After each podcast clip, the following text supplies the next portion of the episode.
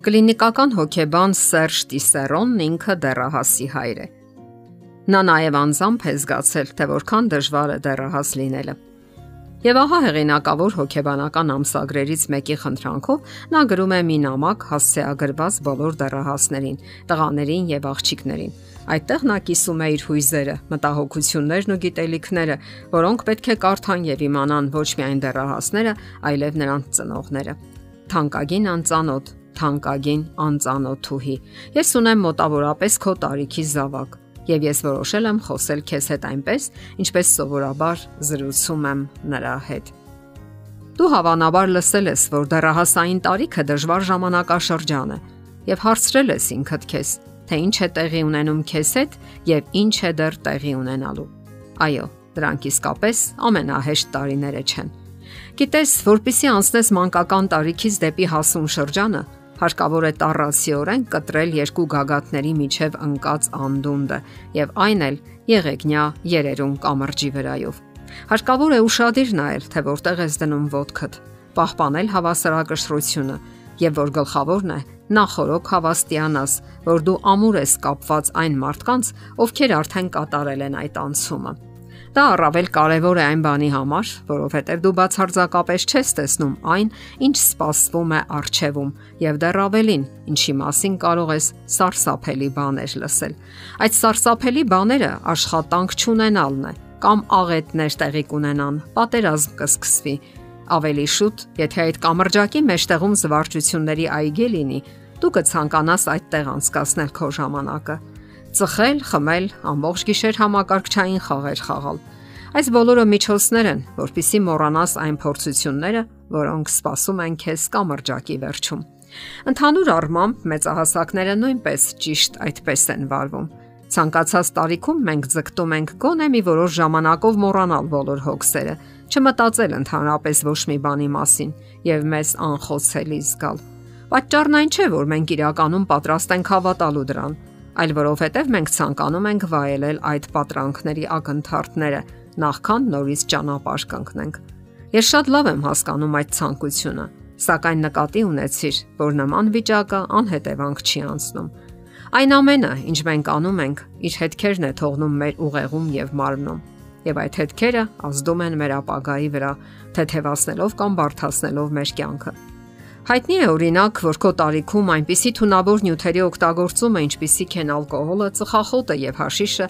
էական հետևանքներ են ունենալու այն մեծահասակի համար, ով դու ես լինելու։ Նրանք անդրադառնալու են քո մտածողական ընտունակությունների եւ հիշողության վրա,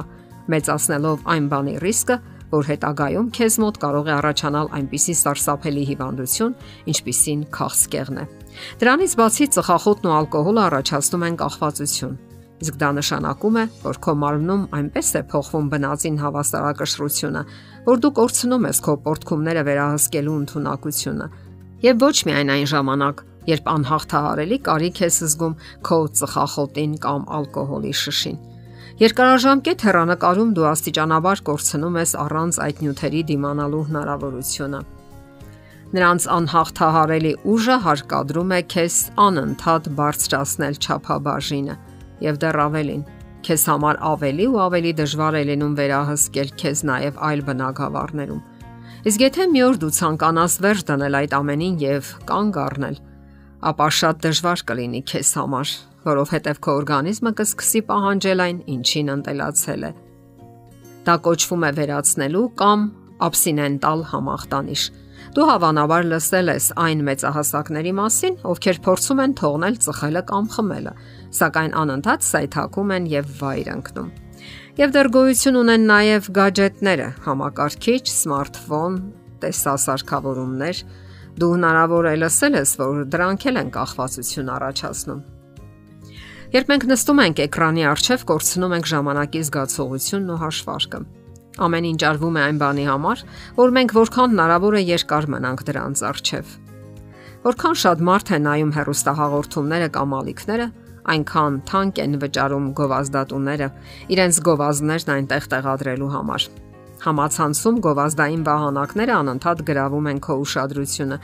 որpիսի դու ցանկանաս ինչ-որ բան գնել։ Իսկ տեսախաղերը հորինողները ամենահնարավոր ջանքերն են ներդնում, որpիսի դու չցանկանաս կտրվել դրանցից եւ որpիսի քո ընկերներին էլ հravirես խաղալու։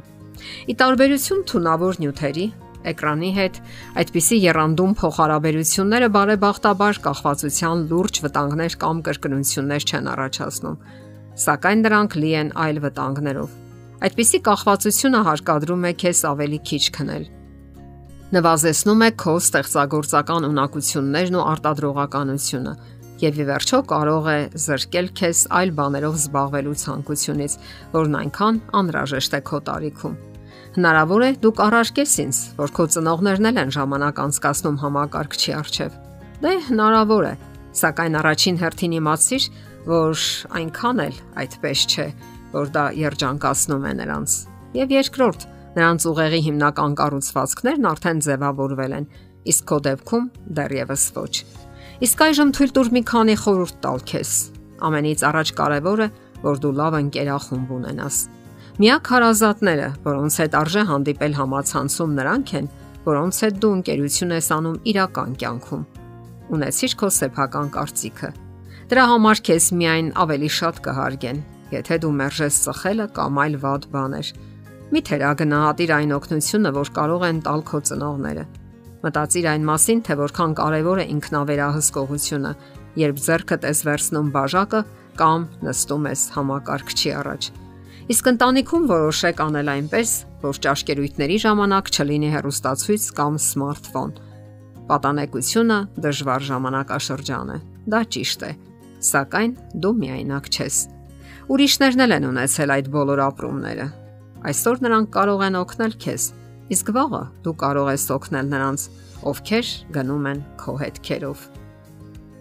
Եթերում ընտանիք հաղորդաշարներ։ Հարցերի եւ առաջարկությունների համար զանգահարել 033 87 87 87 հեռախոսահամարով։